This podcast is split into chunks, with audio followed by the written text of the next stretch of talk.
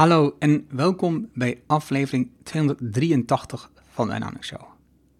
Je leert van ondernemers en ondernemende mensen die bijzondere resultaten bereiken. Welke beslissingen ze genomen hebben om hier te komen, wat ze doen, de strategie en hoe ze klanten krijgen. Mijn naam is Erno Hanning en ik deel mijn opgedane kennis, ervaringen en expertise met jou. Ik coach ondernemers zodat ze stap voor stap de juiste beslissing nemen om uiteindelijk een gezonde groeimotor te creëren, zodat de onderneming vanzelf loopt. Hiervoor gebruik ik mijn ervaring met meer dan duizend klanten die met exact dezelfde uitdagingen zitten. Vandaag het gesprek met Martijn Meijma. Martijn is een ervaren rot als het gaat om ondernemerscoaching. Hij combineert al meer dan 20 jaar zijn bedrijfskundige achtergrond met kennis met intuïtieve methoden en technieken zoals organisatieopstellingen. Martijn is als business coach actief op het grensvlak van persoonlijke en professionele ontwikkeling omdat hij gelooft dat deze twee hand in hand gaan. In zijn net verschenen boek Moeiteloos ondernemen beschrijft hij aan de hand van zes thema's, de succesversnellers, hoe je als ondernemer de hefbomen in de onderstroom kunt inzetten voor het succes van jouw bedrijf. Martijn wil hiermee bijdragen aan een organische kijk op zaken doen in het algemeen en ondernemen in het bijzonder. In dit gesprek en in zijn boek leerde ik meer over vertrouwen in je intuïtie en wat het verschil is met je onderbuikgevoel. We hebben het over succes en gaan dieper in op een paar succesversnellers in zijn boek. Hij geeft verschillende voorbeelden waarbij hij of de klant niet wist waarom iets moest gebeuren op het moment van beslissing. Maar later is duidelijk welke impact deze keuze heeft gehad op zijn bedrijf. Het beslissingenboek kwam naar voren en is goed te gebruiken om te ontdekken wat intuïtie met je doet tijdens het beslissingsproces. Veel plezier met de inzichten van Matthijs. Laten we beginnen. Welkom in de Erno Hamming Show. De podcast waarin je leert over de beslissingen om te groeien als ondernemer met je bedrijf. Luister naar de persoonlijke verhalen van succesvolle ondernemers en ondernemende mensen. Dan nu, jouw business coach, Erno Hamming. Opnieuw zit ik met Martijn Meijma. Martijn is een vriend waar ik af en toe mee sparren, gaan we wandelen. Uh, in coronatijd is het ietsje minder. Welkom Martijn, opnieuw in de podcast. Dankjewel. Leuk om er weer te zijn. De vorige aflevering was um, nummer 53. Het zijn ondertussen ruim 200 afleveringen verder, kun je nagaan hoe lang het geleden is. Die aflevering heette Er is geen concurrentie. Mooi titel, hè? Ja, het staat ook weer in mijn boek. Dus het is nog steeds actueel dat er geen concurrentie is.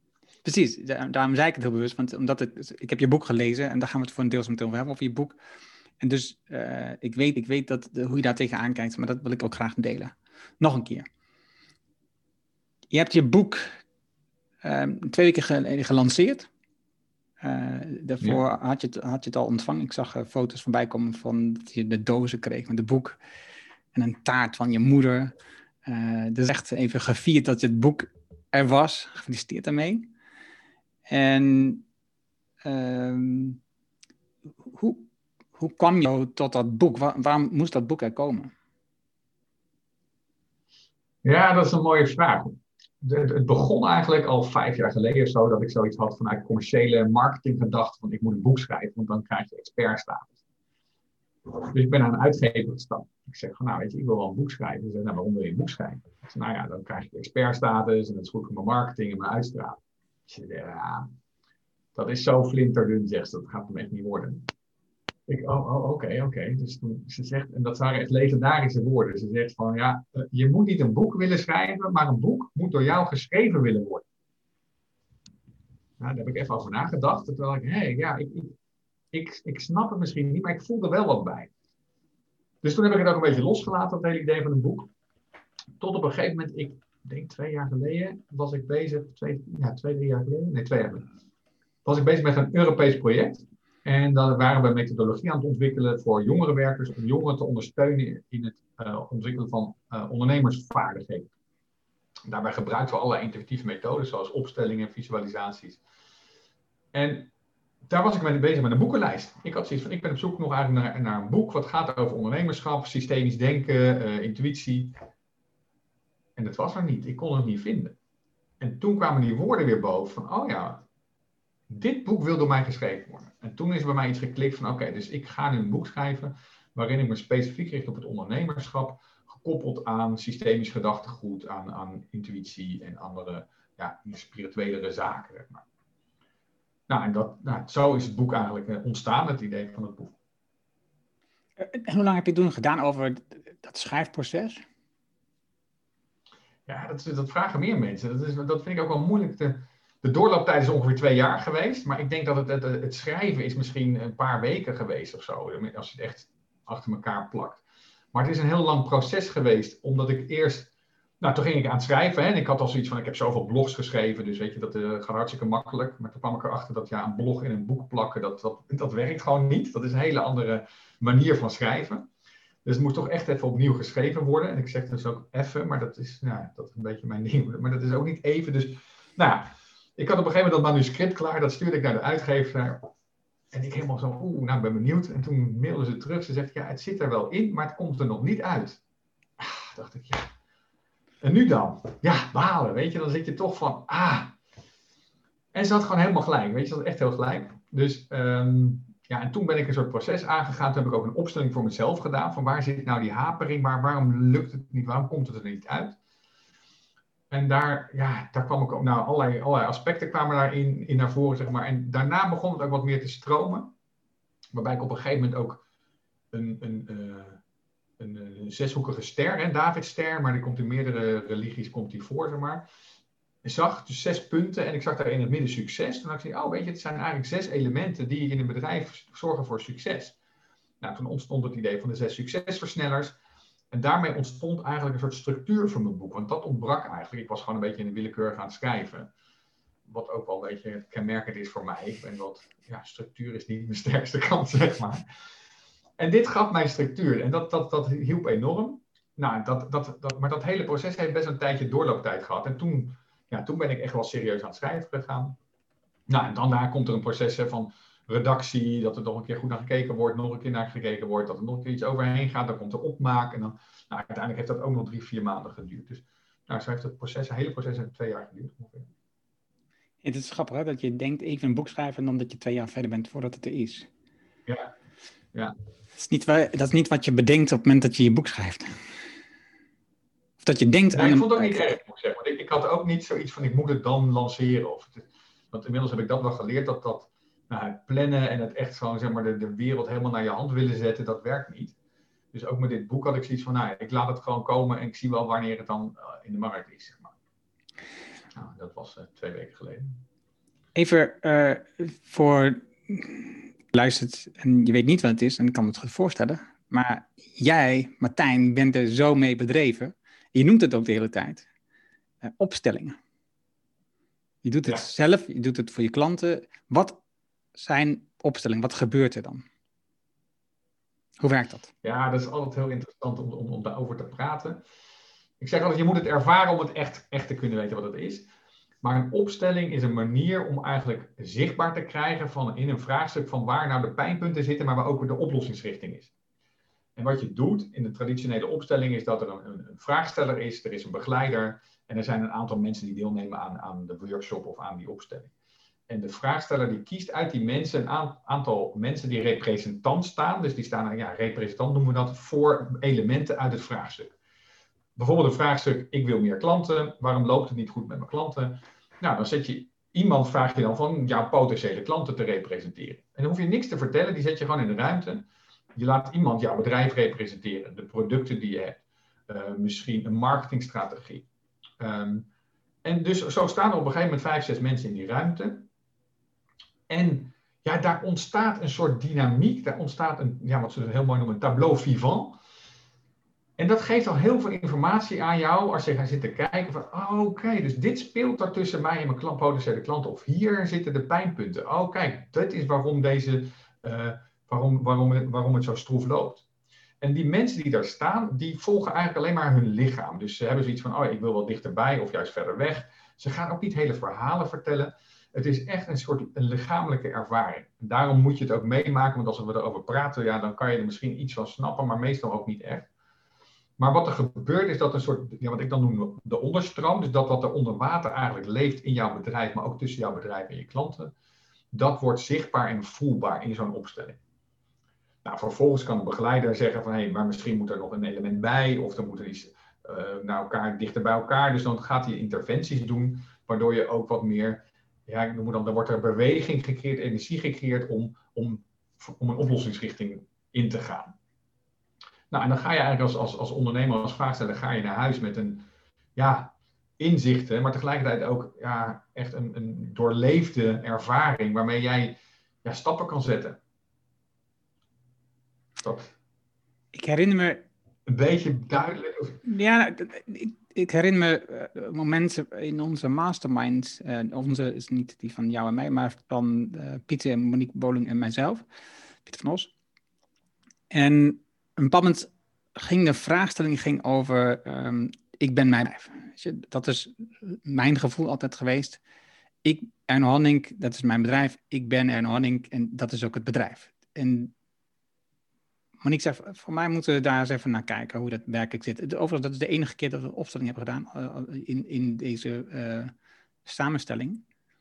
Maar dat is wel de enige keer ook dat ik echt heb kennis gemaakt met een, met een opstelling. En zij heeft toen mij neergezet en Pieter neergezet. En Pieter vertegenwoordigde bedrijf en ik was van mezelf. En dat was wel ergens een openbaring dat, dat, dat die stelling niet meer waar was voor mij. Dat die stelling niet meer klopt. Dat, ik, dat het bedrijf en ikzelf twee verschillende entiteiten waren. En dat er meer afstand moest zijn tussen mijzelf en het bedrijf. En uh, dus, dus ik, ja, ik, heb dat ervaren, nog maar één keer tot nu toe. En ik, ik vond het heel bijzonder en zoals je al zegt, het is heel gewikkeld om het uit te leggen. Het is een kwestie van, je moet het ervaren. Maar dat, is, maakt, het, ja, dat maakt het lastig om mensen um, te interesseren natuurlijk voor opstellingen.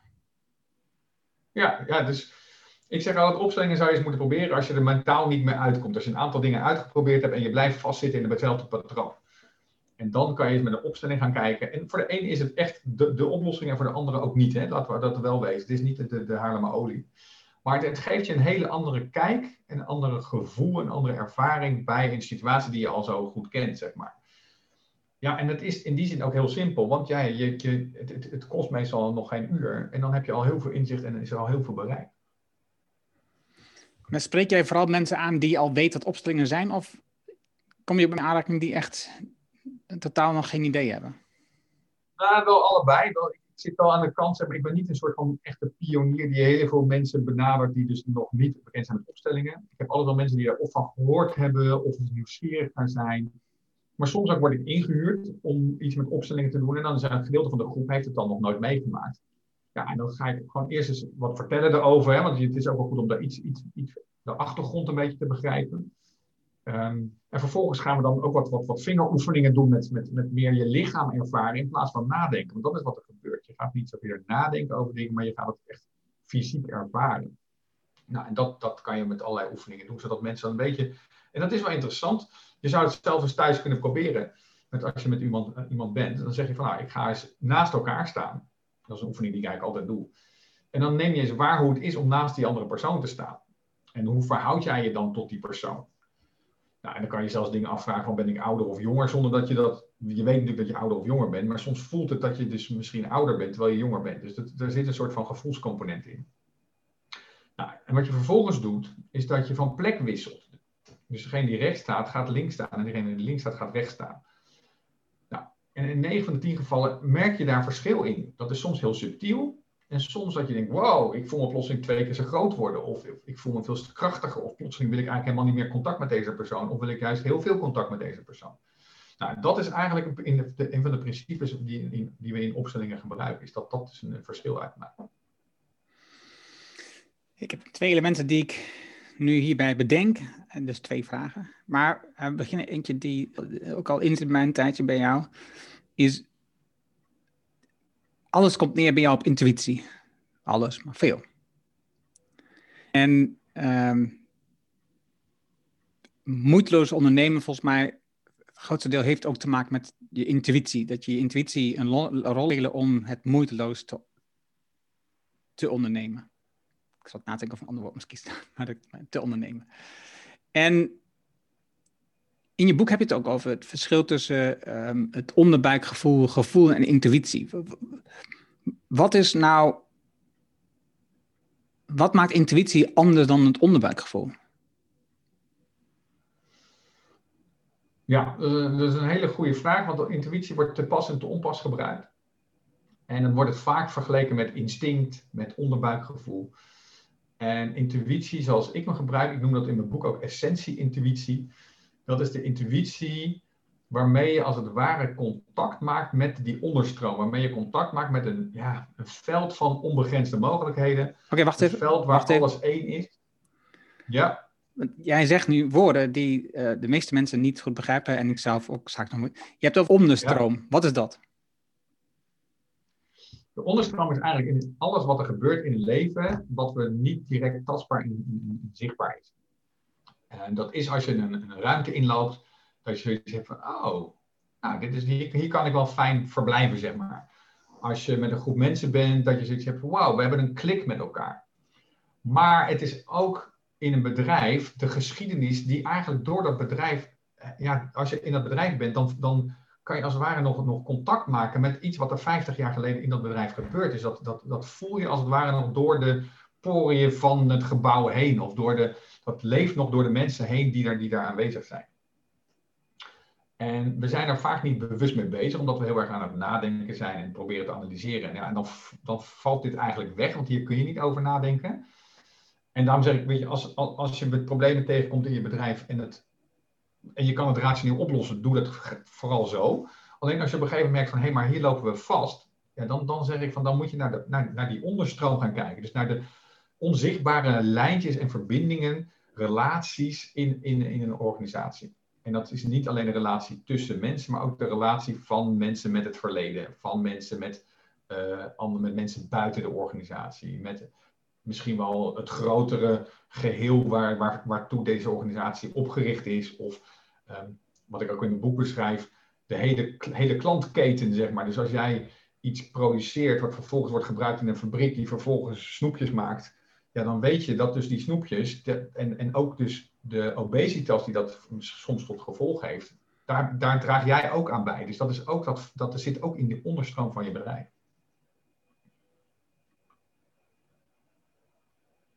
Dat okay. noem ik de onderstroom. Dat, dat, ja, Oké, okay, nu laag. verder naar die essentiële intuïtie.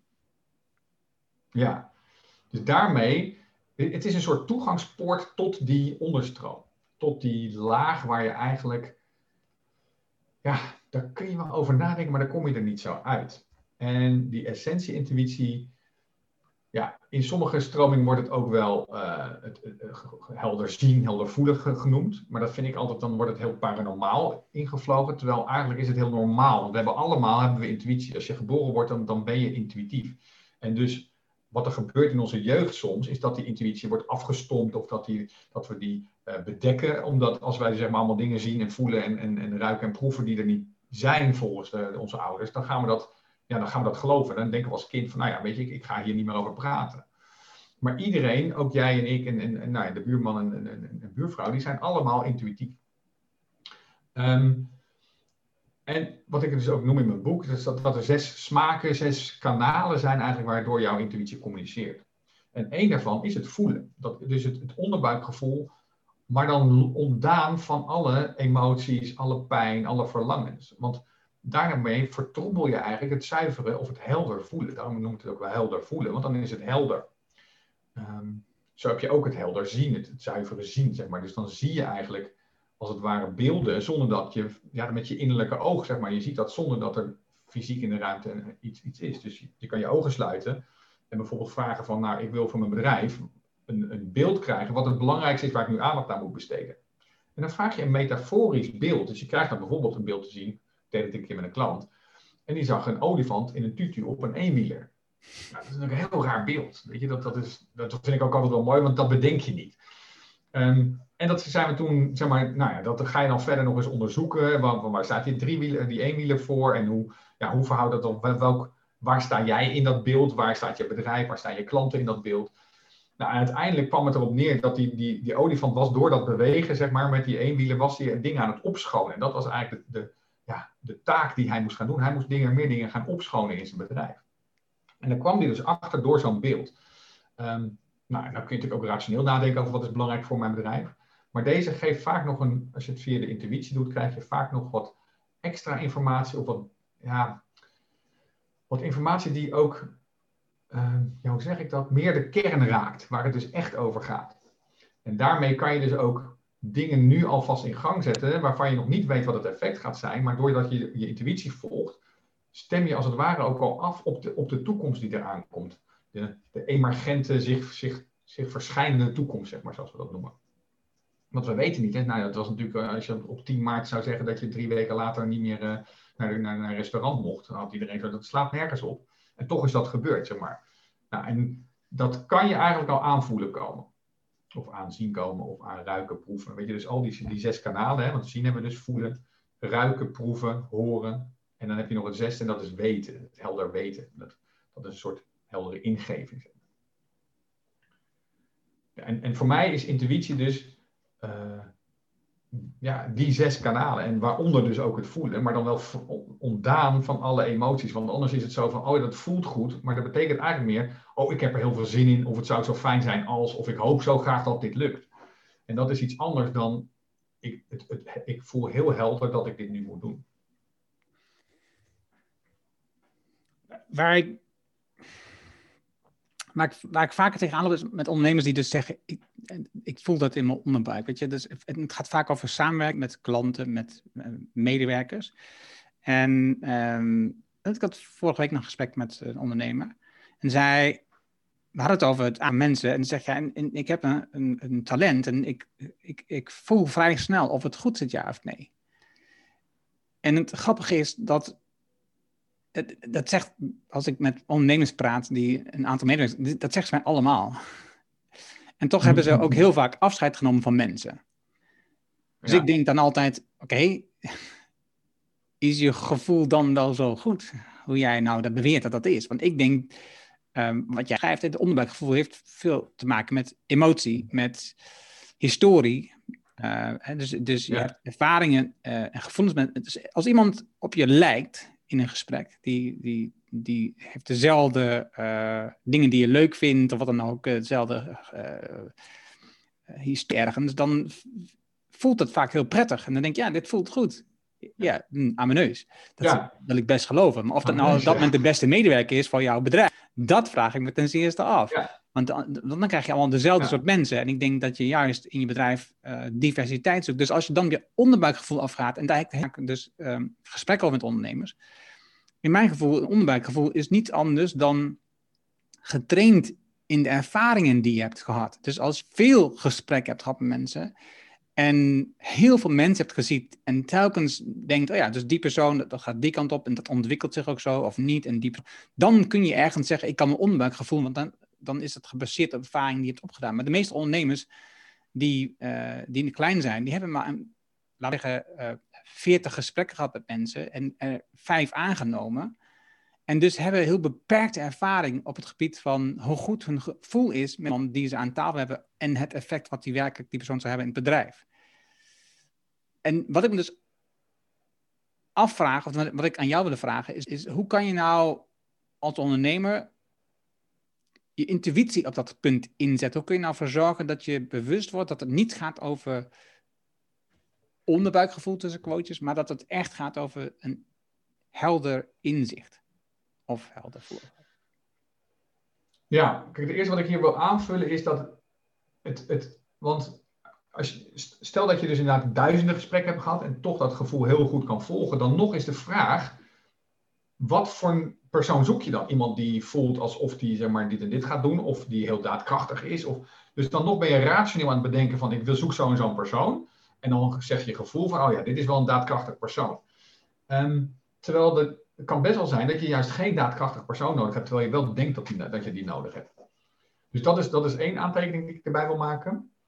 Het tweede is, je intuïtie leidt je altijd naar de beste weg. Alleen de beste weg is niet de weg die altijd vrij van problemen is. Want soms is het voor jou heel goed om te ervaren hoe het is om iemand te moeten ontslaan. Dus uh, het kan ook wel zijn dat je dat die weg, dat je dus inderdaad iemand aanneemt, intuïtief heel goed voelde van ja, die moet het zijn. En dat het uiteindelijk niks wordt, omdat dat jouw leerproces. Omdat dat eigenlijk, zodat je in een volgende fase van je bedrijf veel makkelijker afscheid van kan nemen. Of dat je dus een, een vaardigheid opdoet die je vervolgens weer kan inzetten voor de rest voor het vervolg van je bedrijf. Dus intuïtie betekent niet altijd dat alles walhalla en een halleluja is, zeg maar. Ehm, ja, hoe kan je dus daar als ondernemer zorgen dat je dus, uh, nou in dit geval, hè, want de selectie van, van medewerkers vind ik een hele mooie, mooi voorbeeld om je intuïtie in te zetten. Nou, de eerste vraag is, is, is het voelen, het kanaal van het voelen, is dat jouw sterkste kanaal als intuïtie? Voor mij bijvoorbeeld, ik ben niet zo'n voeler. Dat zeggen mensen, denken altijd dat ik heel goed kan voelen, maar ik kan niet zo goed voelen. Ik, ik ben meer iemand van het weten of het zien. Dus dan kan je beter gaan zeggen van nou, ehm, ik, ik doe het niet eens tijdens dat gesprek, maar na het gesprek ga ik gewoon eh, de intuïtie vragen van is dit de juiste persoon? En dan, flitst er als het ware een ja of een nee binnen. Of ik ga een beeld oproepen van die persoon en ik, ik, ik, ik, plaats die persoon in dat beeld in mijn bedrijf. En dan kijk ik van wat gebeurt er in mijn, ja, in mijn, in mijn visualisatie, in mijn uh, gedachten. Maar het zijn niet de gedachten, maar wat gebeurt er in dat beeld? En klikt het dan tussen die personen? Ehm, je kan ook een metafoor laten opkomen van wat gaat deze persoon toevoegen aan mijn team? En dat je dan, oh, dan zie ik plotseling een wilde rivier waarop, ik aan het kanoën ben. En dan ga je dat beeld ga je verder onderzoeken. En je hoort al in mijn, mijn voorbeelden dat, zoals die olifant en nu ook bijvoorbeeld een, wilde rivier met een kanoer. Ja, wat betekent dat dan? Kijk, we hebben allemaal Nederlands geleerd, we hebben allemaal Engels geleerd, nou, soms Duits, Frans, misschien nog andere talen. Maar de taal van je intuïtie, daar hebben we nooit les in gehad. Nou, ik heb er inmiddels les in, want je kan er gewoon les in krijgen. Dus gewoon, gewoon training kan je hierin doen. Ehm, en dan leer je dus op een gegeven moment herkennen van, oh ja, weet je, een wilde rivier is bij mij gaat het eigenlijk altijd, over veel beweging bijvoorbeeld. Of het gaat over diepgang, of het gaat over, nou, voor iedereen kan het wat anders zijn. En als ik dan op die rivier ben, dan kan betekenen dat ik gewoon heel veel diepgang ga bereiken in een bedrijf. Ik noem maar even wat. Um, bij mij bijvoorbeeld een koude rilling. Dus dat is ook wel het, het gevoelskanaal, betekent dat we de kern van iets raken. Dan voel ik, oh, ik krijg een beetje een rilling over mijn rug. Dus als ik in een coachgesprek zit en ik krijg een rilling over mijn rug, weet ik, hé, hey, dit is waar het over gaat. Dus dan ga ik ook daar verder op in, waardoor die coachgesprekken veel effectiever zijn, omdat ik niet meer heel lang bezig ben met uit te zoeken waar het over gaat. Nou, dat kan dus ook gebeuren in een, eh, in, in een sollicitatiegesprek, dat je een koude rilling krijgt. En dan is het voor jezelf wel goed om te ontdekken van, ja, wat betekent die koude rilling voor mij? Of ik had, ik had ook zo'n klant die, die kreeg een steek in zijn hart. Als hij terug, terugdacht, toen hij terugdacht aan het gesprek, had hij zoiets oh ja, toen kreeg ik een steek in mijn hart. En die, die, die, die, die collega heeft je ook na, een paar maanden moeten ontslaan omdat het gewoon helemaal niet werkt. Dus ik zeg, ja, als je die steek in je hart, als je dat nou serieus neemt, en als signaal, en als je dat zeg maar, maar vaker merkt van, oh ja, dat is dus een signaal dat ik het niet moet doen. En bij wijze van spreken, als je een warm hart krijgt, of je krijgt een warm, warm gevoel, dat het dan wel is. Dus je moet ergens in je lichaam ook een soort ja en nee gaan ontwikkelen. Wat is dan een ja voor jou en wat is een nee voor jou? Dus er zijn er verschillende manieren en ja, ook daar weer, er is niet een one size fits all. Dus je zal voor jezelf moeten ontdekken, wat is voor mij een goede manier om te ontdekken of dit de juiste persoon is voor mijn bedrijf of niet. Heb je aanwijzing, ik wil zeggen eenvoudig, maar laat ik het eenvoudig maar weghalen. Heb je een aanwijzing hoe je kunt ontdekken welke van die zes manieren uh, jij in je hebt als mens? Ja. Ja, wat je kunt doen, je kunt je ogen sluiten en dan zeg ik, met intuïtie is het belangrijk om dan ook echt eventjes tijd te nemen om, om bij jezelf te komen. Dus je gedachten even te laten gaan, even goed voelen dat je op die stoel zit, even een beetje mindfulness oefeningen te doen. En vervolgens stel je voor dat je op een zomerse dag buiten bent. Hele warme zomerse dag. Zo'n dag waarop je weet er gaat onweer komen. En voordat je het weet is het onweer daar. En jij neemt dat onweer waar. En dan is de vraag, wat was er als eerste als je dat onweer waarneemt? Hoor je eerst het geluid van de donder? Ruik je eerst de ozon? Voel je de, de druk en de warmte eerst? Misschien weet je wel dat het onweer komt, of zie je de donkere wolken en de bliksemflitsen. Dus in zo'n ja, zo'n meditatie, zo'n visualisatie, kan je vrij snel ontdekken van hey, welke van de kanalen gaan bij mij, zijn vrij, bij mij vrij snel actief. Ja, dat is mooi. Dat is een goede ik had het met Brigitte ook over. Ik heb net al gezegd, Brigitte had ik ook gesprek gaan. Die werkt ook enorm met intuïtie. En, uh, oh, dat was in het voorgesprek, even voor duidelijkheid. Brigitte van Tel, ik zal de aflevering ook in de show notes opnemen. Um, dus het werkt ook volledig met intuïtie. Het is ook klassisch ondernemer. En, en, maar, intuïtie blijft voor mij ergens een vaag iets. Dat is iets wat ik niet goed begrijp. Dus, dus voor mij zijn dit soort gesprekken, zoals met jou en met Brigitte, uh, manieren om te leren en te ontdekken. En dus ik wil, ik, ik wil altijd ontdekken. En ja. Intuïtie is niet. Want je zei, je kan een les in krijgen en daar, daar, daar triggerde ik op. Intuïtie is niet aan, aan te tonen. Het is niet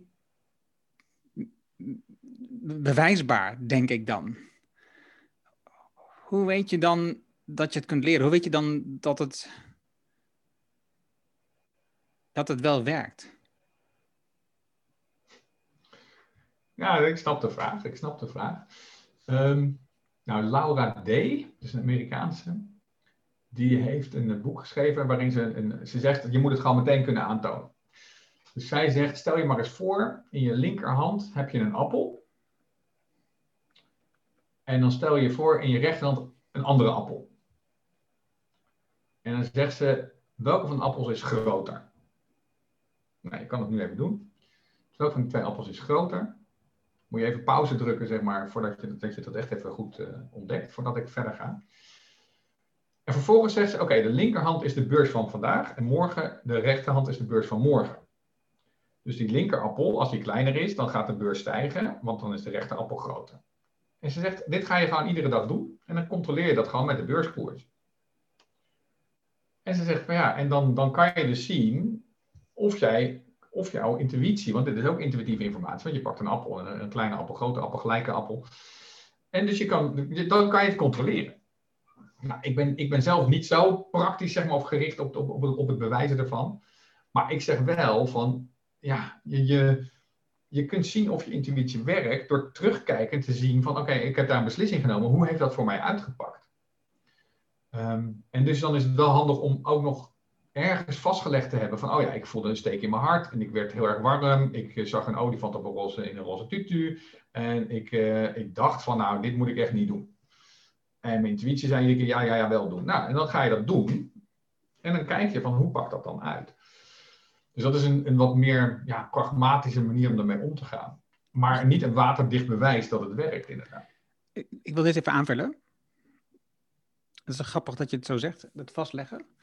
Uh, ik heb. Pieter van Os die kwam met het, uh, met het voorbeeld hoe je uh, betere beslissingen neemt. Daar heeft hij een methode voor, de PMIXA-methode. Daar kijk je naar wat zijn nou de positieve punten van de beslissingen waar je voor staat. De minpunten, wat is er interessant? Wat zijn de um, uh, alternatieven bijvoorbeeld? De, zijn de alternatieven van deze beslissingen? Dan is wat is de uh, verwachting, dat is de x-verwachting, expectation, van wat de uitkomst, wat er gebeurt als je hebt besloten. En de A is welke actie moet je ondernemen om de beslissing werkelijk in gang te zetten. Ik heb aangevuld met Um, omschrijf gewoon eerst eens even de beslissing gewoon voor jezelf. En dan het tweede, wat is emotie? En als laatste doe ik dan nog een premortem. Dus kijk je, oké, wat zou al mis kunnen gaan met deze beslissing? Als die beslissing is dof, wat kan al misgaan? En dan kun je namelijk nadenken, wat moet je dan voor actie nemen om dat te voorkomen? Premortem is iets uh, uit de Romeinse tijd. En, en dat leg ik dan vast in een beslissingenboek. Mm -hmm. Een beslissingenboek, dat idee heb ik van uh, Jim Collins. Jim Collins zegt, weet weet het punt is gewoon dat beslissingen, die zijn, um, je wil verbeteren, moet je het proces van beslissingen verbeteren. Het is heel ingewikkeld ja. om de uitkomsten van de beslissing te ver veranderen, te verbeteren, omdat het groot deel van de beslissing genomen, die heeft uh, heel veel impact uh, op anderen. Dus, dus wat jij net al zei, dus je weet niet wat er morgen gaat gebeuren, dus je weet niet welke weg zich daar openbaart. Het grootste deel na je beslissing genomen, dat is niet afhankelijk van wat jij doet. Dus, er komen dingen op je af, of er gebeuren dingen, of weet je, eh, corona treedt op. Het maakt niet uit. Dat zijn die effect hebben op je, op je keuze. En um, daarom leg je het beslissingsproces vast en kijk je na een tijdje terug, dat zei je net ook, van oké, wat is er toen eigenlijk gebeurd? Hoe was dat proces op dat moment? Dus, dus daarom vond ik het mooi om dit te vertellen, want dat sluit enorm aan wat je net beschrijft. Dus om te ontdekken of je, hoe je intuïtie in elkaar zet. Dus bij emotie zou ik dan nog kunnen kijken, wat, was, wat zijn mijn intuïtie op dat moment? Ja, Dus wat je dan doet, is dat je dit aanvult met een aantal intuïtieve kanalen. Van wat rook ik, wat proefde ik, wat zag ik, eh, wat, wat voelde ik, wat wist ik. Ehm, ja, en dan, dan terugkijkend. Terugkijkend is altijd makkelijk, want dan weet je wat er gebeurd is. Zo, ja, weet je, ik vind het een heel mooi voorbeeld. Ik had een, een training gepland in Italië. En die had ik gepland, denk ik, voor 15 maart jaar, dit 2020, zeg maar. En er, er waren niet zoveel aanmeldingen. Maar soms wat ik nog wel eens doe, is dat ik zeg van, ook al heb ik niet zoveel aanmeldingen, ik laat hem toch doorgaan en dan komt het vanzelf goed, zeg maar. Maar hier had ik zoiets samen met degene die, die het daar organiseerde, van weet je, laten we het niet doen. Voor mij klopt er iets niet. Maar ik weet niet, wist niet wat het was. Voor mij was dat een, een, een gevoel en een weten. Van ik, ik moet het niet doen. En moeten is, is een beetje in de zin van, het, het is niet goed om het te doen. En toen heb ik die hele week, heb ik wel vrij gepland, want ik dacht van, ik, ook daar weer, van, ik kreeg een soort ingeving van, ik, ik ga dan mijn online aanbod ga ik verbeteren. Want ik heb best wel wat online aanbod, maar dat mocht wel even opgeschoond worden. Dus ik dacht, dat ga ik dan in die week doen. Dus ik heb die week dan toch vrij gepland, ga ik niet naar Italië toe. En dan heb ik die week heb ik online, ga ik mijn online aanbod aanpassen. Ja, dat was precies de eerste week van onze lockdown. In Italië was het toen al, al redelijk uit de hand gelopen. Dus, dus die training kon sowieso niet plaatsvinden. En dat ik met mijn online aanbod aanwezig ging, was natuurlijk briljant. Want dat was precies wat er nodig was in die tijd. Maar dat, ja, ik wist dat dus niet. Want nou, niemand wist het. Dus ja, voor mij is dat dus intuïtieve informatie. En, die, en dat is wel goed om te vermelden. En ook dat is natuurlijk een beetje lastig te begrijpen. Hoewel laatst heb ik een uitleg gekregen. En ik kan het niet herhalen, maar dat gaat over non-lokaliteit en de kwantumfysica.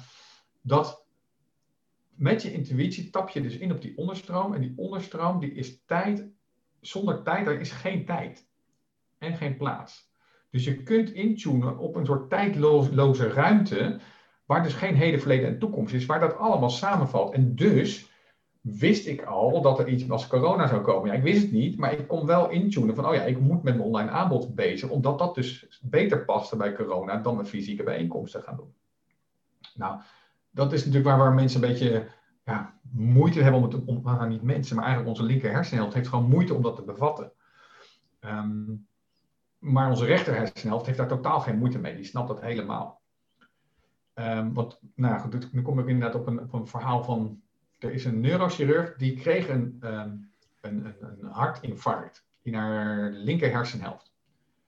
Nou, als je de TED-talk kan zien, een Flash of Insight heet het het is briljant. En, en die laat dus heel goed zien dat als je linker hersenhelft wegvalt, dan is alles met alles verbonden. Dan is er geen tijd. Dan is, uh, en dat is eigenlijk precies die onderstroom. Dat is dat veld van onbegrensde mogelijkheden waar je op intapt met je intuïtie. Je gaat dan eigenlijk je rechter hersenhelft veel meer inzetten en, en, en de informatie daaruit gebruiken om met je linker hersenhelft vervolgens in de dagelijkse praktijk te kunnen invoeren.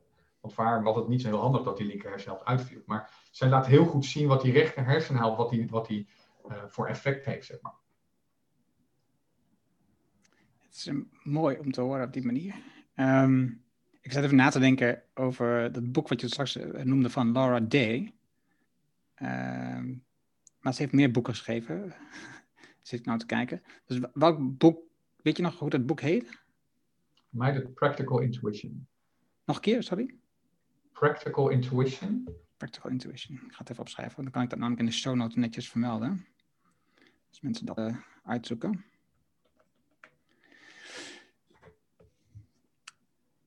Uh, je zei het al, in je boek heb je de zes intuïtiekanalen genoemd en je hebt de zes uh, manieren, onderdelen van. moeiteloos ondernemen. Precies, moeiteloos ondernemen. Ik zag, de, ik zag de titel juist. Ja, ja zes succesversnellers heb ik zeggen. Dat was het. De zes succes. Ik heb het hier staan en, nu, zie ik het, en nu zie ik het. En, um, en er zitten een aantal in die, die bijzonder zijn. Dat zal voor iedereen natuurlijk verschillen wat, wat zij als uh, bijzonder ervaren. Um, en voordat ik dat zeg, denk ik, oh ja, wacht even. Um, succes. Wat is ja.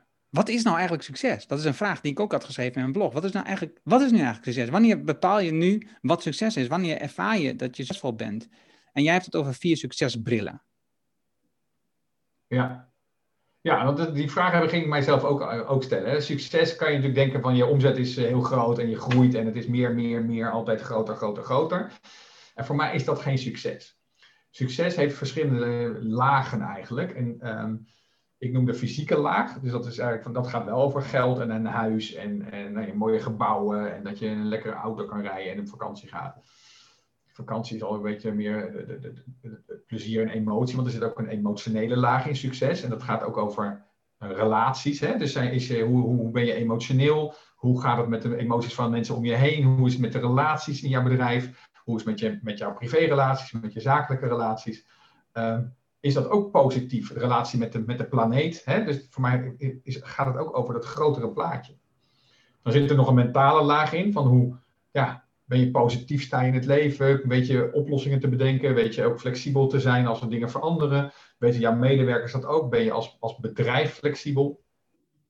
Nou, vervolgens is er ook nog een meer spirituele laag, de vervullingslaag. Van, heb je ook het gevoel dat je ergens aan bijdraagt, aan een soort groter geheel en, en ja, heb je vervulling in, je, in, in wat je doet. En hebben ook de mensen die bij jou werken vervulling in, in wat ze doen. En, en draagt jouw bedrijf als geheel bij aan een soort betere wereld eigenlijk. Dus op al die lagen, daar gaat het over succes. En ja, en succes is verder heel persoonsafhankelijk. Dus het gaat erover wat jij als ondernemer onder succes verstaat. Dus als jij zegt, ja, ik wil gewoon mijn omzet ieder jaar verdubbelen, dat is voor mij succes, ja, dan is dat succes. Maar ik heb op een gegeven moment heb ik in een jaar gezet, ik wil, ik wil niet, niet groeien met mijn bedrijf. Gewoon om ook eens te bewust te zijn van, ja, het hoeft niet altijd meer, meer, meer. En dat het dan meer verdiept, of dat je dus ook nog iets voor, ja, dat je, dat je zegt van, ik ben er meer voor de kinderen, en dan ben ik minder voor mijn bedrijf, en dat betekent dat het bedrijf niet groeit. Dus er zitten heel veel aspecten aan succes, meer dan alleen maar veel geld en groei uh, realiseren. Zit er dan voor jou meer balans in die vier onderdelen? Hoe bedoel je meer balans? Nou, dat, dat, dat, dat je uh, meer evenwicht hebt tussen uh, materieel succes en relaties en gemoedsstand en vervulling. Ja, ik vind dat die balans die gaat eigenlijk ook, ook weer, is ook weer persoonlijk. Misschien hmm. zeggen mensen, ja, ik vind vervulling niet zo belangrijk. Voor mij gaat het meer over dat fysieke succes. En dat is voor mij, weet je, er zit geen oordeel in. Alleen ik wil wat met, met mijn boek wilde ik mensen duidelijk maken dat er meer lagen aan succes zitten dan alleen maar geld verdienen. Want dat is ook wel wat ik belangrijk vind. Weet je, ik ben bedrijfskundig opgeleid. En alle boeken die gaan over het doel van het bedrijf is zoveel mogelijk winst maken. Of aandeelhouderswaarde vergroten, zo groot mogelijk maken. als, ik heb heel veel voor overheden gedaan. En die zeggen allemaal, wij willen dat bedrijven groeien. Dat er meer personeel wordt aangenomen. willen dat... En ja, dat is gewoon zo zonde. Ik wil dat gewoon niet. Dus, um, dus ik, ik wil hier dus een, ander geluid naast zetten. Wat, wat gaat over op een andere manier met, met, met je bedrijf omgaan en met, met succes omgaan. Ik snap dat ook. En het grappige is, ik had ook alweer teruggekeken naar jouw opleiding, wat je had gedaan. En ik had die bedrijfskunde dus ook gevonden. En, um, en wat je noemt, natuurlijk is heel erg anglo-saxisch ingericht.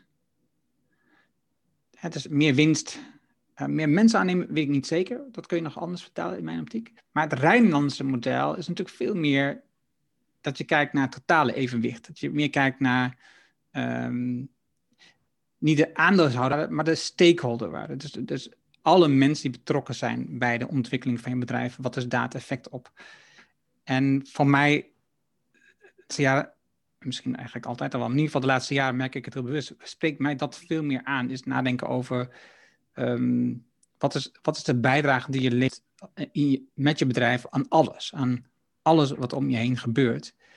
En dus, dus daar zie ik wel een soort balans. Want als je, je doel is om, om maar te blijven groeien, dat is in mijn optiek niet natuurlijk. Het is, de natuur groeit ook niet oneindig. Er, ook, er zit ook een, een afvlakking groei aan. En, en op een bepaald moment als de boom heel hoog is, dan, dan groeit hij op andere manieren verder door meer zaden los te laten en andere nieuwe bomen te, te, te laten groeien. Of, of, bijvoorbeeld, of juist breder te worden of wat dan ook.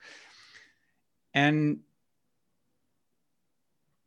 en dus ik zie daar, voor mij zit daar een soort balans in. En, en dat zie ik ook in het Rijnlandse model, is dat je veel meer kijkt naar al die elementen. En dus meer mensen aannemen kan een element zijn wat dus een positieve bijdrage heeft op de, de samenleving, op de, op de omgeving. Omdat je een plek wilt zijn zo heb ik een klant die, die wil gewoon een plek zijn voor, voor mensen om zich te ontwikkelen. Het is in principe maakt hem zoveel uit wat voor een product die maakt en, hoe die klanten dat ervaren, maar veel meer hoe kan ik een plek bieden voor mensen om zichzelf te ontwikkelen. En, dat, en, en een bedrijf, ik denk dat, dat daar zit een mooi aspect in. Een bedrijf is een enorme mooie um, vehikelvraag om dat te organiseren. Absoluut, absoluut. Dus en, en, voor dat bedrijf klopt het dus ook om meer mensen te gaan aannemen. Totdat het nog meer mensen aannemen zorgt voor alleen maar stress en gedoe in een organisatie en dat mensen zich niet meer kunnen opplooien. Dus ook daar zit wel een grens aan. Dus het, aannemen van personeel is dan niet het doel op zich. Het doel is om, om zoveel mogelijk mensen zichzelf te kunnen laten ontwikkelen in, de omgeving van jouw bedrijf. Zeg maar. Ja, ja. Ehm, dus ja, je, dat Rijnlandse model dat is inderdaad al veel meer gericht op, op, op van het effect op, op, op een groter gebied dan alleen maar stakeholders en, en winst. Ehm, alleen wat je ziet dus in de maatschappij is dat toch heel veel afgerekend wordt op, op, ja, op geld en op groei en uh, nou ja, hoe gaat het met je bedrijf? Hoeveel winst maak je het afgelopen jaar? Weet je, dat is waar er wordt niet gekeken van hoe gelukkig ben je met je bedrijf of hoeveel bijdrage heb je geleverd aan een mooiere wereld. Ook omdat het wat minder tastbaar en, en, en meetbaar te maken is. Dat is natuurlijk ook het lastige. Ja, dat is exact dat ook waar ik altijd moeite mee heb. En dus um, dat zijn ook vaak waar ik vragen over stel. Als je nadenkt over um, hoe wil ik meer impact in het in, het, in de wereld. Pieter van Assen eh, die heeft het bedrijf uh, Scale Up Impact. Dus het gaat naar hoe je de impact kunt opschalen met bedrijven. Dus dat maakt altijd af, hoe, hoe, maak je dat meetbaar? Hij, hij legt dat wel uit, maar nog steeds uh, landt dat niet lekker bij mij. Dus, dus ik vind dat ook ingewikkeld. Hè? Dus voor een ander is de vraag altijd, eh, hoeveel omzet heb je, hoeveel winst heb, hou je over? En, uh, als je met, met, met andere ondernemers praat, als je met een bank praat, als je praat over de toekomst van je bedrijf, als je het wilt lenen, dan altijd over dezelfde um, getallen. En het gaat nooit over um, hoe het bedrijf zich verder ontwikkelt, wat je betekent voor de maatschappij en dat soort. Dat is heel ingewikkeld, een heel ingewikkeld proces. Daar ben ik het met je eens. Het is een uh, aparte um, beleving nog steeds. Hè. Dus je merkt wel dat er een soort beweging, dat gevoel heb ik zelf, dat er een soort beweging is. Dat we merken dat, dat het verder kan zoals we nu bezig zijn. we hebben wel het optimum van die groei uh, uh, mm. drijf ergens bereikt. Maar ja, hoe, dat is ook nog wel een vraag. Maar de vraag is, waarom moet je het willen meten?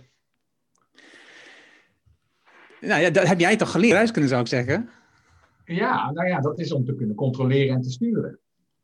Alleen de vraag is, wat zou er gebeuren als je wat minder controleert en stuurt en wat meer stroomt met wat er is en dus je ja, meebeweegt met de stroming die er al is in je bedrijf? er is eigenlijk overal beweging. Beweging is, is, het, is het standaard in het universum, is er beweging. Dus als het, als het, en als je die beweging ook in jouw bedrijf, daar, daar zit een beweging in. En als je die volgt, dan, dan, ja, dan gaat het als vanzelf. Ja, en of je dan veel winst maakt, weinig winst, veel impact, weinig impact. Dat is ook de vraag of, of, is, of dat belangrijk is. Dat is belangrijk als je wil weten van, ja, nou, doe ik het goed genoeg? maar ja, de vraag is belangrijk om te weten of je het goed genoeg doet. Als je het goed genoeg gaat voor mij over, dan ik zit in de stroom, ik, ik zit in een flow, ik, ik ben gezond. En ik kan, ik kan mijn, huis betalen en eten kopen, dat hoort er natuurlijk ook bij. En ik heb het gevoel dat ik bijdraag aan de wereld. Ja, en moet ik dan meer bijdragen of nog meer impact? Ik weet het niet. Misschien moet ik wel iets minder impact en krijg ik op een andere manier impact. Dus ja, daar nodig ik mensen ook wel voor uit als het gaat over moeiteloos ondernemen, intuïtief ondernemen. Om, om ook ja, jouw doelen en jouw wensen en verlangens los te laten en wat meer over te geven aan die stroom, nou in dit geval van je bedrijf of van het leven in het algemeen. Bijvoorbeeld mijn boek. Weet je, ik, ik heb een boek geschreven en ik dacht van dat, dat schrijf ik voor mijn, mijn klanten, zeg maar. Dus de, de doelgroep van, van ondernemers die dus met intuïtie aan de slag willen, die intuïtief willen ondernemen. En het, het, lijkt nu of dat boek veel meer richting een jongere doelgroep gaat. Misschien wel studenten die, die iets over ondernemerschap willen leren. Ja, heb ik dat bedacht? Nee, dat ontstaat als het ware omdat, en dat kan ik nu wel rationaliseren, omdat het boek ontstaan is vanuit dat, dat, dat, dat idee van, oh ja, ik zoek voor een methodologie voor jongerenwerkers, zoek ik een boek. Dus dat, dat jongere stuk zit eigenlijk al in dat boek bij de oorsprong van het boek. En daarmee krijgt dat boek, ja, en dat is misschien wel een beetje, een beetje, een beetje uh, hocus pocus, maar dat boek krijgt een soort energie mee. En een soort, dat wordt als het ware een eigen entiteit, een eigen organisme. En met een eigen richting, een eigen ziel, een eigen wens. En dan is het de vraag van, moet ik dan, zeg maar, die beweging die in dat, in dat boek zit, moet ik die dan gaan negeren en gaan zeggen, ja, maar ik wil het gewoon bij ondernemers onder de, op, op, de tafel hebben. En dus ik ga allerlei marketing en hard werken en stress en, en, en het voor elkaar krijgen. Of zeg ik, ik, ik stroom mee op die beweging die dat boek eigenlijk al ingezet heeft. Waardoor het veel makkelijker wordt om, om dat boek de wereld in te krijgen. En waarom, ja, wat is mijn doel met dat boek? Wil ik er veel geld mee verdienen? Nou, auteurs verdienen niet zoveel geld. Dan wil ik dat zoveel mogelijk mensen dat, dat, boek gaan lezen, dat het mijn ego gevoed wordt. Of, of wil ik gewoon dat het boek daar komt waar het boek moet zijn? En dat is ook een van die succesversnellers, is dus overgave. Want ik vind het dus heel, en dat is een, een van de eerste, van kan jij je overgeven aan dit soort grotere stromingen en bewegingen, in plaats van er tegen in te gaan of, je, of jouw wil te willen opleggen aan, aan in dit geval een boek of een bedrijf of een product of een samenwerkingsverband. Ja, dit vind ik wel echt mooi wat je nu zegt, Martijn. Die uh, de energie, die uh, de beweging die in dingen zit, dat je daar aan overgeeft. Dus dat komt natuurlijk voor een deel dat ik zelf ook heel vaak discussies heb over de omzet en winst die ik realiseer en dat dat niet is wat mensen verwachten.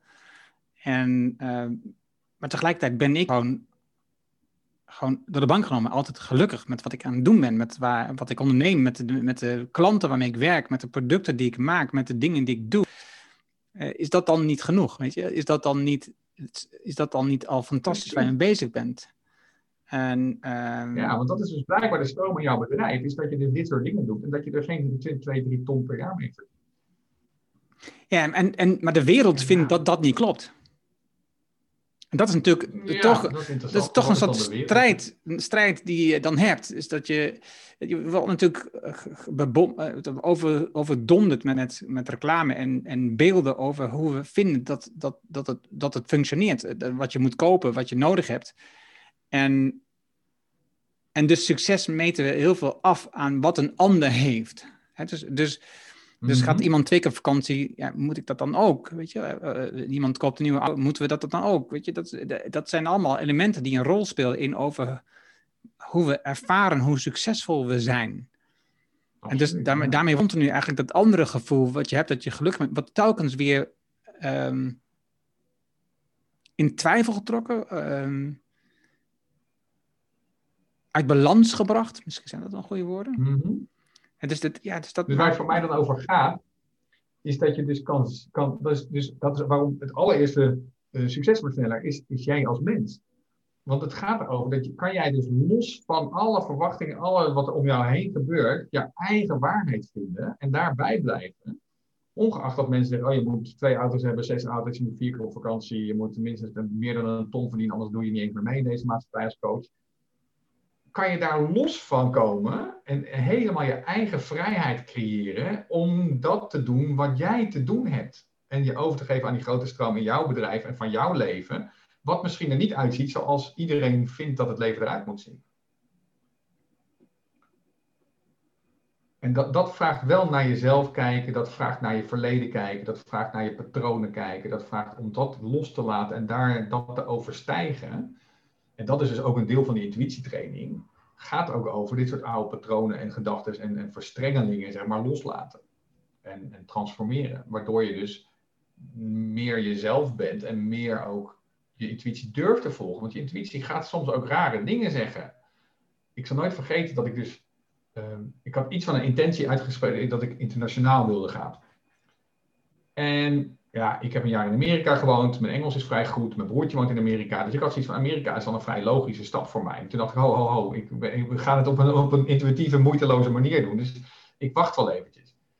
En toen werd ik dus gevraagd om een training te geven in Ommen aan een hele internationale groep mensen. Waaronder een aantal Bulgaren. En twee van die Bulgaren die stuurden mij een mailtje van: zou jij naar Bulgarije willen komen om een training te geven op het gebied van organisatieopstelling? Ik moest echt op de kaart kijken van Bulgarije, is dat Europa? Ik had er nog nooit, nou ik had natuurlijk wel van gehoord, maar dat stond niet in mijn marketingplan, zeg maar, als ik het geschreven zou hebben.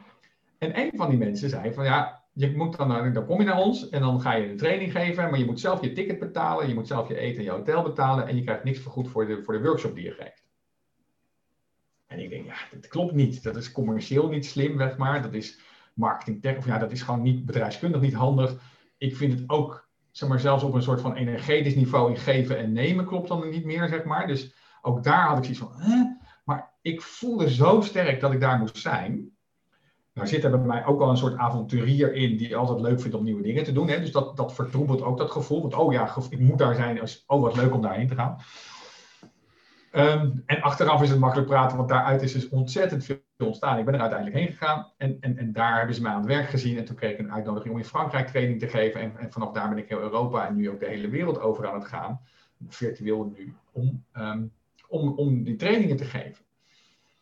Maar dat voelt dus wel om, om ja, als ik dat aan mensen uitleg, dan zeg je, ja, maar je gaat er toch niet heen en dan niks verdienen. Dat is toch raar? Dat doe je toch niet als goede ondernemer? En ik zeg, ja, ik, moest, ja, ik doe dat wel, weet je. En dan kan ik een verhaal van de avontuur mooi en mijn intuïtie zegt dat ik moet doen. Maar je moet wel ergens tegen een soort van stroming in. Ook, ook nou, het begint natuurlijk al bij mijn vrouw, maar goed, die ging vrij goed mee. Maar dat ze dan ook zegt, ja, maar waarom zou je erheen gaan als je er geen geld verdient? Dus, dus je, ja, en dat vraagt wel om daar los van te komen, zodat je meer bij je intuïtie kan komen en dat dus ook kan gaan volgen. Ik zou dat kunnen, je zou dat kunnen vertalen als ondernemerschap.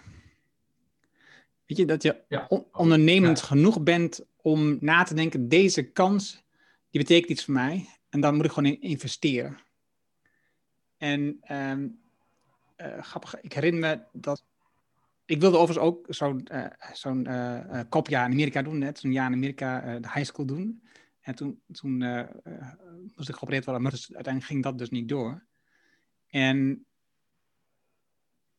ik kreeg op een bepaald moment een kans. Toen had ik eigenlijk, mijn, ik, had, ik heb al heel lang een bedrijf dat heet Home Entertainment en Audio Design.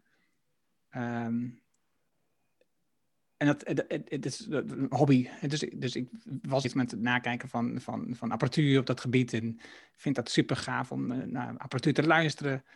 En dus ik ging veel van die shows ging ik af en winkels en en, dit, en, dus is het ook makkelijk op dat moment andere mensen te helpen met het vragen. Dus ik had een bedrijf opgezet waarbij ik dus mensen hielp om hun installatie op te zetten. En dat deed ik een beetje als een bijbaan. Eh, ja, het was een bedrijfje. Hè? Dus het zou ik normaal niet zo snel zeggen, een bedrijfje. Maar dat was echt een bedrijfje. Eh, en, en, uh, en toen was ik een bepaald moment echt begonnen als ondernemer fulltime. toen dacht ik, ja, moet dat, stil, dat moet mee stoppen. En, maar die website was er nog. En toen kreeg ik een aanvraag van een bedrijf. En die, uh, die zocht iemand die onafhankelijk advies kon geven over een automation design, een automation ontwerp. Want de, mensen die ze gevraagd die kwamen eigenlijk uit bij de apparatuur die zij zelf verkochten. En ik verkocht niks, dus, dus ik kon heel goed onafhankelijk advies. Maar, en ze hadden een vrij uitgebreid groot huis. Er moest veel in gebeuren. En ik moest kijken en konden samenwerken. En toen was daar de beurs in Amerika, de CES, de Consumer Electronics Show. Dat is een hele grote beurs. Uh, een beetje de tegenhanger van de beurs in Berlijn. En, en daar was ik nog nooit geweest. En dat was mijn wens om daarheen te gaan. En toen dacht ik, ah, oké, dus dit kan ik doen met deze opdracht. Ik ga, het geld wat ik op deze opdracht verdien, ga ik naar die beurs, daar ga ik onderzoek doen. En uh, tegelijkertijd heb ik toen, dat was Twitter in begin 2008, uh, was dat 2009, zeg maar, 2009, 2008, nee, 2008 was het. Um, en toen, ja, dus ik heb allemaal mensen opgezocht op Twitter van, van god, uh, echt van bloggers. Van, het was helemaal in een blog op dat moment. Kan ik je daar ontmoeten? En heel veel mensen zeiden van, ja, en het is ook een blog-event, kom daar naartoe. Dus ik heb heel veel mensen ontmoet daar. En van daaruit um, ben ik de, WordCamp uh, zijn we gestart. Ik ben Social Media Club Nederland gestart. En het boek is eruit gekomen. Dus dat, dat, die gebeurtenis heeft zoveel impact op me gehad. Terwijl het bedrijfstechnisch niets was om te doen. Want uh, ja, eigenlijk moest ik gewoon klanten werven voor de, voor de sales- en marketingactiviteiten die ik, eh, die ik, waar ik fulltime bezig was. En dit, dit, dit, dit was helemaal geen vast. Dus, uh, maar dit is vergelijkbaar met wat jij nu beschrijft. Uh, dus dat was wel mooi om te zien. En ik snap wel dus wat je... weet niet altijd waar het toe leidt. Nee, precies. Je weet niet altijd waar het toe leidt. En, dat is, en, en je daar ook aan over durven geven en dat is natuurlijk soms makkelijker met zo'n klein dingetje. Hè, dat je zegt, oh ja, dit geld verdien ik en dat ga ik daarin stoppen. Voor mij, weet je wat, een reis naar Bulgarije, wat kost het helemaal? Dus ik ga... Maar het is wel om je daaraan over te geven en dan te zien wat, wat ontwikkelt zich daaruit. Ja, dat is denk ik een beetje vergelijkbaar met eh, een bepaald moment werden we gevraagd voor een beurs eh, als bloggers om daar te bloggen. En je krijgt ook geen vergoeding, maar je hoeft de entree voor de beurs niet te betalen. En de rest moest je zelf organiseren. Ja, dat heb ik ook een paar jaar gedaan. En dat heeft zoveel contacten opgeleverd in die netwerken, waar ik nog steeds internationaal uh, mensen mee ken en af en toe contact heb. En, en, dan zie je dat het contact nog steeds wederzijds is. Dus dat is, dat is zo, zo mooi uh, om, om te ontdekken. Dus, daar vind ik wel in. Um, twee, twee, twee nou, laat ik zeggen, het element geld in jouw boek, de succes, die, en dat, mogen mensen zelf lezen, dat, begrijp ik ook, de klanten ook. De tijd en actie, die, kun je daar nog iets meer over vertellen? Ja, tijd is natuurlijk een heel interessant iets. Wij, wij willen tijd managen, we, willen, we, hebben te weinig tijd eigenlijk hè, en we, we, moeten heel veel tijd besteden. Maar tijd is natuurlijk maar, maar een concept wat wij bedacht hebben. En um, natuurlijk tikt, tikt de tijd weg. Hè. Er gebeurt iets, de aarde draait om de zon en daardoor verandert iedere keer, de, de, wordt dag en nacht. En, um, maar je hebt ook zoiets als tijdbeleving. Dus er is iets, als je in de rij staat te wachten, dan duurt het soms langer dan dat je met een heel goed gesprek met een vriend bezig bent. Dus um, als je als ondernemer op een, je tijdsbeleving zeg maar, kunt aanpassen of op een andere manier in, in, in je relatie met tijd kan veranderen, dan kan je veel effectiever en efficiënter worden. Of dan kan je, nou, ik hou niet zo heel veel woord van het woord efficiënt, maar dan, kan je meer gedaan krijgen op het juiste moment. Um, en dat, dat, dat, dat vraagt eigenlijk om je, nou, A, om, om, om je relatie met tijd eens te onderzoeken. Hè, van wat is tijd voor mij? Hoe ga ik om met tijd? Wat heb ik geleerd over tijd? Wat zit er in mijn systeem over tijd? Wat gebeurt er in, wat vindt de maatschappij van, van tijd? En kan je daar je vrijer, losser van maken, zodat je je eigen tijdsperspectief kan, kan bepalen? En het vraagt ook over, en dat, dat vind ik altijd wel interessant, over intuïtief time management noem ik dat. Wat natuurlijk helemaal niet bestaat, want tijd, tijdmanagen, dat is nog nooit iemand gelukt. Um, dat je dus het uitmaakt op welk moment je wat doet. Dus iedere tijd, ieder moment, zeg maar, heeft een bepaalde kwaliteit, een bepaalde energie, een bepaald, nou, bepaalde vibe, zoals mijn dochter zou zeggen. En dus het kan zijn dat je s ochtends wakker wordt en dat je bedacht had, hè, als je dat nog zo doet, dat je in je agenda schrijft, s ochtends ga ik mijn administratie doen, s middags ga ik 15 klanten bellen en uh, s s'avonds ga ik dan nog eventjes uh, een onderzoek doen naar of een input van mijn nieuwe boek. En je wordt ochtends wakker en je hebt eigenlijk heel veel zin om klanten te bellen. En geen zin in je administratie of zin, weet je. Je voelt dat er is een soort vibe van, ik heb een vibe om klanten te bellen. Ik zeg altijd, ga dat dan doen. Want dan zit je in een soort van flow waar, waar je makkelijker met klanten in gesprek raakt. En waar je dus ook betere gesprekken hebt dan dat je dat smiddags gaat doen. Um, waar je misschien zoiets hebt van, oh, nou ja, ik, uh, ik, ik, ben niet zo in de mood, zeg maar. Dus ik ben ook heel erg voorstander van om los van de vaste afspraken die je in je agenda hebt, om, om de, de, de tijd die je, die je voor jezelf vrij hebt, om die niet in je agenda in te plannen, maar om daar eigenlijk te laten ontstaan wat er ontstaat. En een hele mooie vraag die je je intuïtie kan stellen, is wat is mijn eerstvolgende stap? Of wat wordt er nu van mij gevraagd? In het woord, wat wordt er nu van mij gevraagd zit ook die overgave. En daar zit het in dat je dus, en dat zit ook bij actie in, dat je dus niet een heel plan maakt, maar dat je eigenlijk stap voor stap je, je, je, je, je, je, je onderneming laat groeien of laat ontstaan. Of dat je stap voor stap werkt. En waar het naartoe gaat, dat, dat hoef je niet eens te weten. Dus het is moeilijk om de woorden goed te kiezen.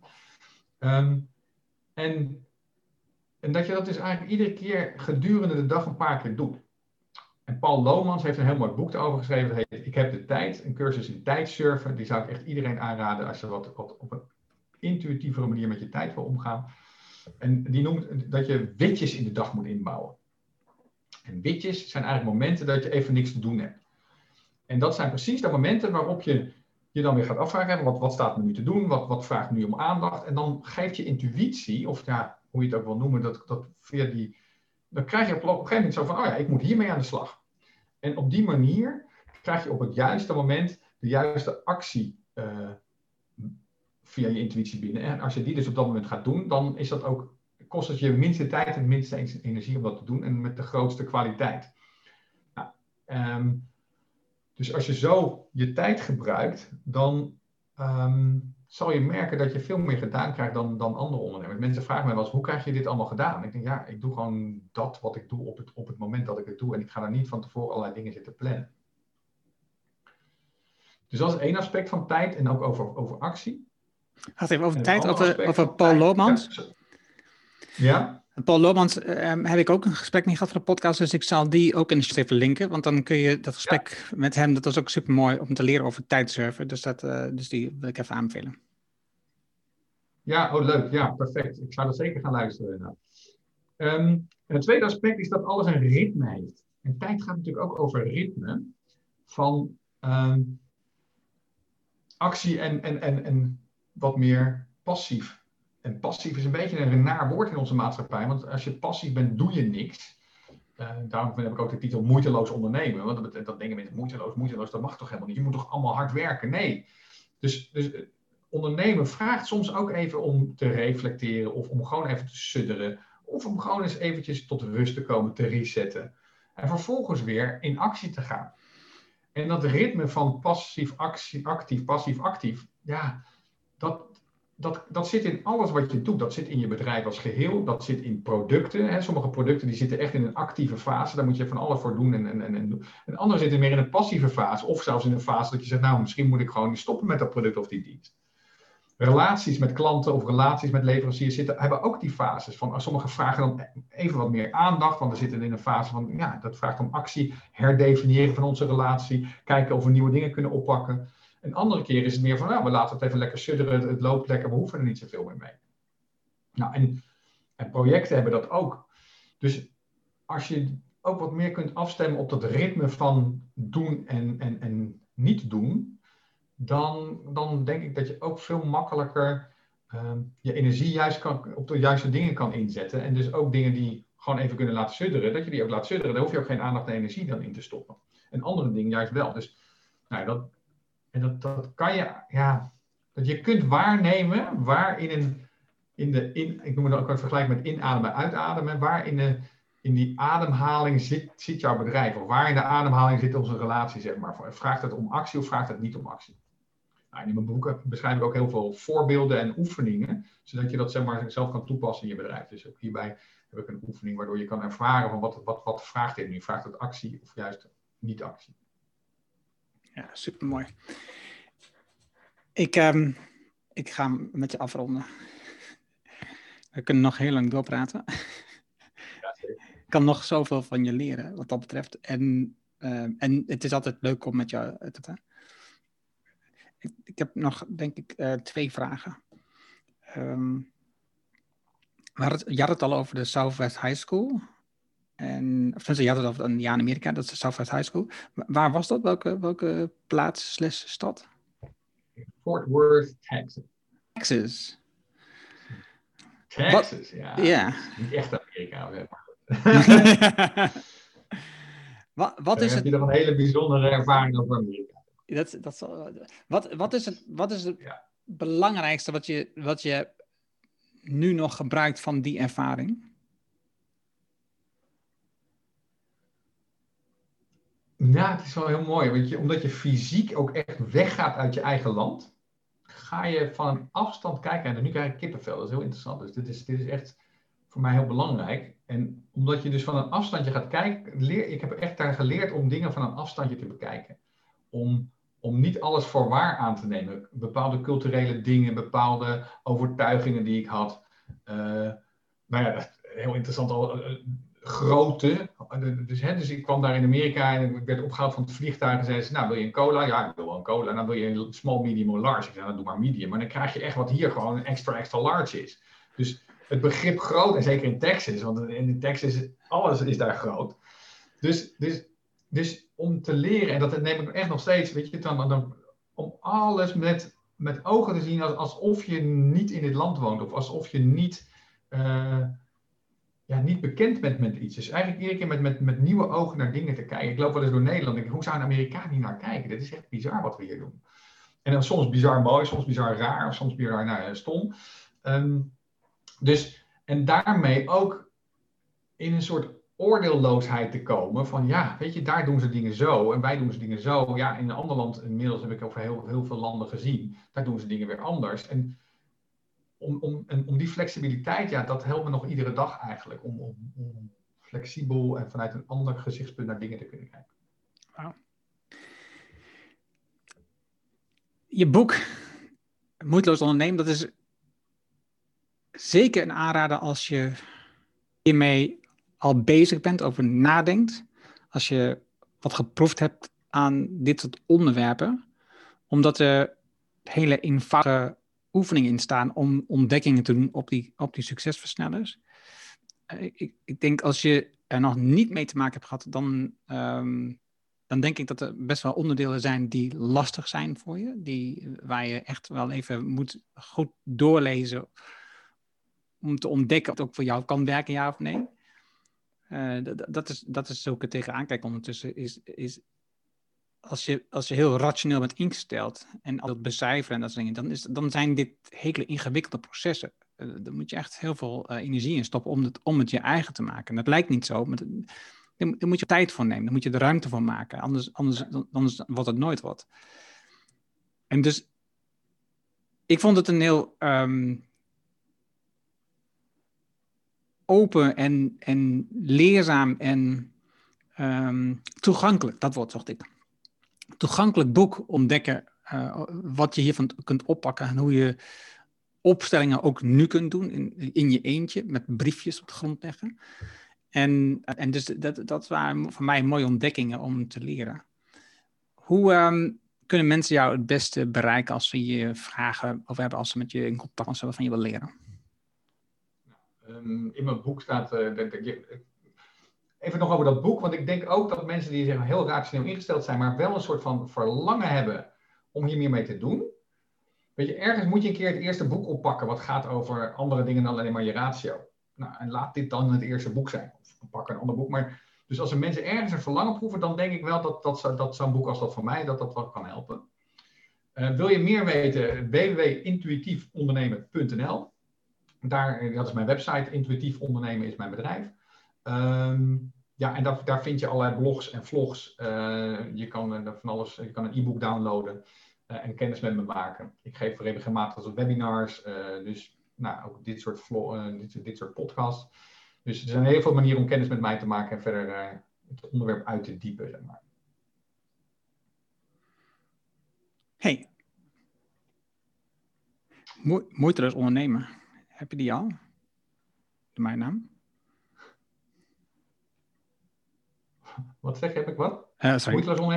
Nee, die yeah. heb ik nog niet eens. Ja, ik, nee, dat, dat is trouwens een goeie ik checkte hem en denk, hé, hey, wacht even, volgens mij moet je die gewoon claimen. Ja, dus... ja, ja, dat is een goeie. Ja, omdat het bedrijf natuurlijk intuïtief ondernemen heet. Ja. En dat boek wilde ik eerst ook intuïtief ondernemen, maar toen, toen zei die uitgever, weet je, moeiteloos ondernemen klinkt beter. En toen ben ik het wel mee eens ook. Daar heb ik helemaal niet over nagedacht. Nou, um, voordat de podcast uitgezonden wordt, ga ik het claimen. Hij is bezet. .nl versie. Oh. Oké. Uh, maar 80.000 andere domeinnamen zijn al uh, beschikbaar, maar .nl-versie is bezet. Ja.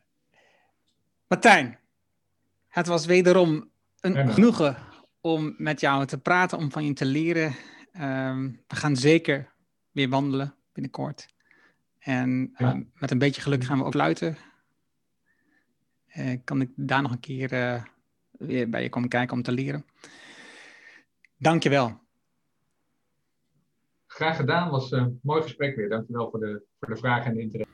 Dat was het mooie gesprek met Martijn. En je vindt de naam en links die we noemden in het artikel dat bij deze uitzending hoort.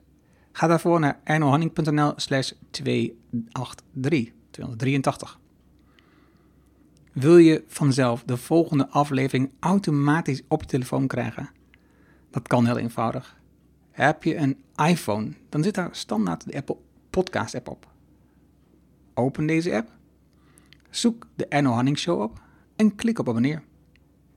Heb je een Android-telefoon, dan installeer je bijvoorbeeld de Player FM app. Open die app, zoek de Erno Hanning Show op en klik op abonneer.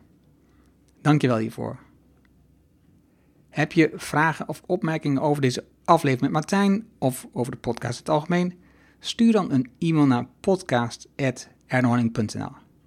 Ik hoor heel graag van jou. Wil je leren hoe je meer uit je team haalt door meer aan ze over te laten? Wil je leren welke hardnekkige gewoontes je tegenhouden om te groeien? En wil je weten wat het juist moment is voor een beslissing? Vraag dan het boek Betere Beslissingen voor een Beter Team aan op ernohanning.nl. Dit is mijn nieuwste boek en je downloadt het helemaal gratis. Je hebt zelfs geen e-mailadres nodig. Wil je de papieren versie van dit boek? Dat kan ook. Je betaalt alleen de verzendkosten. Mijn nieuwste boek is altijd gratis, vraag het daarom nu aan. Vraag jouw boek aan op ernohanning.nl en Je leest het in één avond uit. Dankjewel voor het luisteren en graag tot de volgende. Dankjewel voor het luisteren naar de Erno Hanning Show op ernohanning.nl.